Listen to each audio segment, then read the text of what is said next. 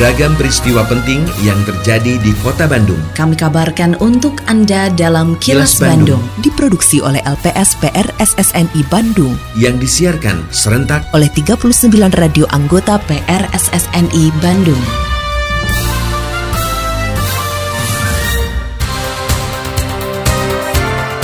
Sejumlah informasi aktual kami hadirkan untuk Anda dan inilah informasi utamanya.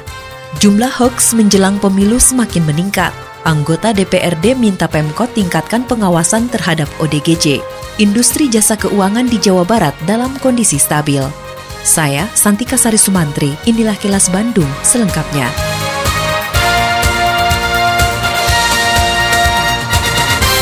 Jumlah dan penyebaran hoax atau berita bohong terus meningkat terlebih menjelang pelaksanaan pemilihan umum atau pemilu 2024. Koordinator Wilayah Bandung Raya Masyarakat Anti Fitnah Indonesia atau Mafindo, Hadi Purnama mengatakan, masyarakat harus tetap jeli dan waspada agar tidak mudah tergiring isu yang tidak bertanggung jawab tersebut. Oleh karenanya, Mafindo secara khusus membentuk Satgas untuk cek fakta terhadap berita yang beredar di media sosial, terutama tentang politik. Reporter Agustin Purnawan melaporkan, menurut Hadi, pihaknya juga terus mengedukasi masyarakat untuk mengantisipasi hoax melalui berbagai pelatihan cegah hoax. Menurutnya, Mafindo telah melaksanakan edukasi cegah hoax di hampir 30 kota di Indonesia.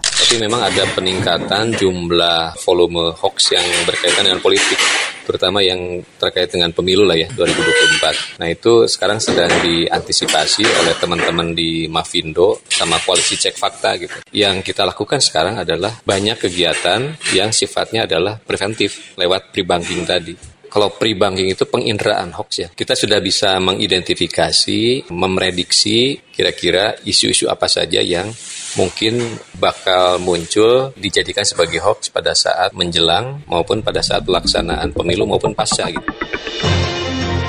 Suara DPRD Kota Bandung. Anggota Komisi D DPRD Kota Bandung Yul Yosapat meminta agar pemerintah Kota Bandung meningkatkan pengawasan lebih maksimal lagi. Hal tersebut disampaikan Yul menanggapi viralnya rekaman video yang memperlihatkan dua orang dengan gangguan jiwa atau ODGJ yang melakukan aksi tak senonoh di pinggiran jalan. Politisi PSI ini mengatakan pengawasan terhadap ODGJ termasuk PMKS harus dilakukan lebih maksimal di jalan-jalan kota Bandung. Selain itu harus ada kerjasama dengan instansi terkait seperti Dinas Kesehatan, Dinas Sosial juga Satpol PP dalam menghadapi kondisi tersebut. Yul menekankan hal ini perlu dilakukan untuk menjaga kota Bandung tetap kondusif. Tanggapan saya mengenai video tentang ODGJ yang viral, di mana Pemkot harus meningkatkan pengawasan terhadap PMKS yang ada di jalan-jalan kota Bandung. Apalagi orang yang ada di jalanan di kota Bandung itu cukup banyak, kiranya perlu ada kerjasama antara uh, Dinas Kesehatan, Dinas Sosial, terus Satpol PP untuk menghadapi hal ini karena kalau lihat data juga bahwa orang dengan gangguan jiwa di kota Bandung ada mungkin lebih dari 30 ribu. Nah, ini bagaimana supaya hal-hal ini tidak ada sampai ke jalan sehingga bisa mendapatkan fasilitas supaya kondisinya bisa kondusif Rencana konversi moda transportasi umum dari angkutan kota atau angkot ke mikrobus merupakan upaya positif meski masih perlu kajian komprehensif. Anggota Komisi C DPRD Kota Bandung Iman Lestariono mengatakan pihaknya mengapresiasi rencana pemerintah Kota Bandung tersebut namun perlu melihat regulasi atau kebijakan di atasnya yaitu pemerintah provinsi dan pemerintah pusat. Pasalnya kota Bandung merupakan kawasan aglomerasi Bandung Raya yang meliputi daerah lain di sekitarnya, sehingga harus saling terintegrasi dalam sistem terpadu transportasi massal yang mengarah ke regional. Politisi PKS ini menyatakan sebagai sistem transportasi massal yang terintegrasi, maka perlu memperhatikan berbagai fasilitas pendukungnya agar masyarakat merasa nyaman untuk beralih dari kendaraan pribadi ke transportasi publik. Amanat di dalam Perda RT RW tersebut harus memperhatikan terkait dengan aksesibilitas dan mobilitas. Artinya ini kan jangka panjang. Kalau kita berbicara secara terintegrasi, maka kita juga nanti harus memperhatikan bagaimana pola park and ride di pinggiran kota Kemudian juga bagaimana feedernya tadi, kalau ini sebagai mikrobus ini sebagai feeder, maka dipastikan gitu ya bahwa dia itu harus nyampe dengan sistem TOD itu di titik-titik strategis sampai ke perumahan-perumahan masyarakat. Ini dibangun secara terintegrasi, masyarakat menjadi cukup nyaman. Kalau tidak, nggak akan pernah selesai ini gitu ya. Tapi niat baiknya saya cukup apresiasi kan gitu ya. Tapi harus diperhatikan bahwa ini tahapan yang cukup panjang. Kini, Audio podcast siaran Kilas Bandung dan berbagai informasi menarik lainnya bisa Anda akses di laman kilasbandungnews.com. Otoritas Jasa Keuangan menilai stabilitas sektor jasa keuangan di Jawa Barat hingga Agustus 2023 mampu menunjukkan resiliensi di tengah tekanan tingkat suku bunga global dan politik. Kepala OJK Kantor Regional 2 Jawa Barat Indarto Budi Witono mengatakan pertumbuhan terjadi pada sektor pembiayaan kredit perbankan sebesar lebih dari 17 persen. Sedangkan di sektor pasar modal, nilai nominal transaksi sahamnya mencapai 138 triliun rupiah. Reporter Suparno Hadisaputro melaporkan, menurut Indarto, di sektor dana pinjaman online legal, Jawa Barat masih menjadi yang tertinggi di Indonesia. Kredit perbankan Jawa Barat yang tumbuh sekitar 7,41 persen dengan rasio NPL terjaga di level 3,63 persen, diiringi dengan penghimpunan dana pihak ketiga yang tumbuh sebesar 2,97 persen. Fintech lending atau pinjaman online yang legal, Jawa Barat masih menjadi provinsi dengan outstanding pinjaman terbesar dengan pertumbuhan pinjaman sebesar 23,38 persen YOY yaitu mencapai 14,8 triliun dengan jumlah penerima sebanyak 5,56 juta rekening.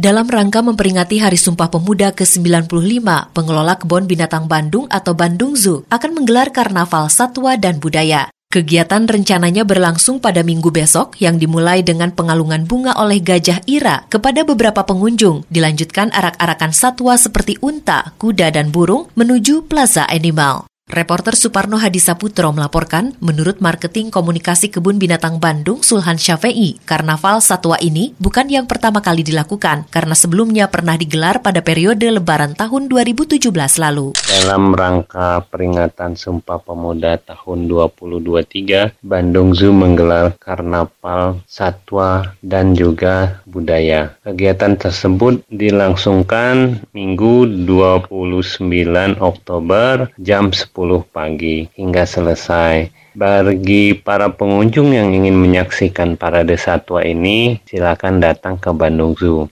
Diawali dengan pengalungan bunga oleh Gajah Ira kepada beberapa tamu, kemudian para satwa berarak menuju ke lapangan Animal Plaza. Polisi akan memeriksa kejiwaan tersangka pelaku penyerangan terhadap seorang dokter gigi di tempat prakteknya di kawasan Paskal 23 Bandung beberapa waktu lalu. Kapolres Tabes Bandung, Komisaris Besar Polisi Budi Sartono mengatakan, selain memeriksa kejiwaan tersangka, polisi juga akan meminta keterangan sejumlah saksi, terutama orang tua tersangka dan tetangga, untuk mengetahui perilaku tersangka di lingkungan sekitar rumah. Reporter Yudi Dirgantara melaporkan, menurut Kombes Budi Sartono, pemeriksaan perlu dilakukan untuk mengungkap motif penyerangan terhadap dokter gigi tersebut. Yang pasti seluruh saksi nanti kita minta keterangan, baik dari keluarga maupun dari lingkungan sekitar, karena yakin pasti di lingkungan sekitar juga mengetahui bagaimana perilaku daripada si tersangka ini. Dan juga nanti kita akan memeriksa soal kejiwaan itu terus kita periksa juga.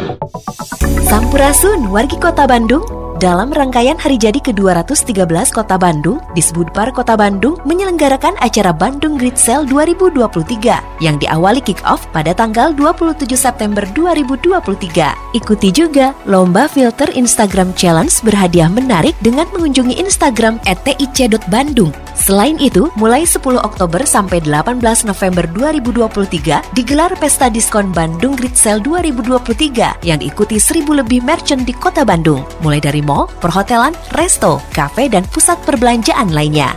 Pembelanjaan minimal Rp100.000 dan berlaku kelipatan akan mendapat kupon undian dengan hadiah satu unit mobil Daihatsu Sigra dan hadiah menarik lainnya. Pengumuman pemenang dilakukan di akhir penutupan acara tanggal 18 November 2023 di Cihamplas Walk yang dimeriahkan hiburan menarik. Penampilan dari Saung Angklung Ujo dengan bintang tamu Geisha.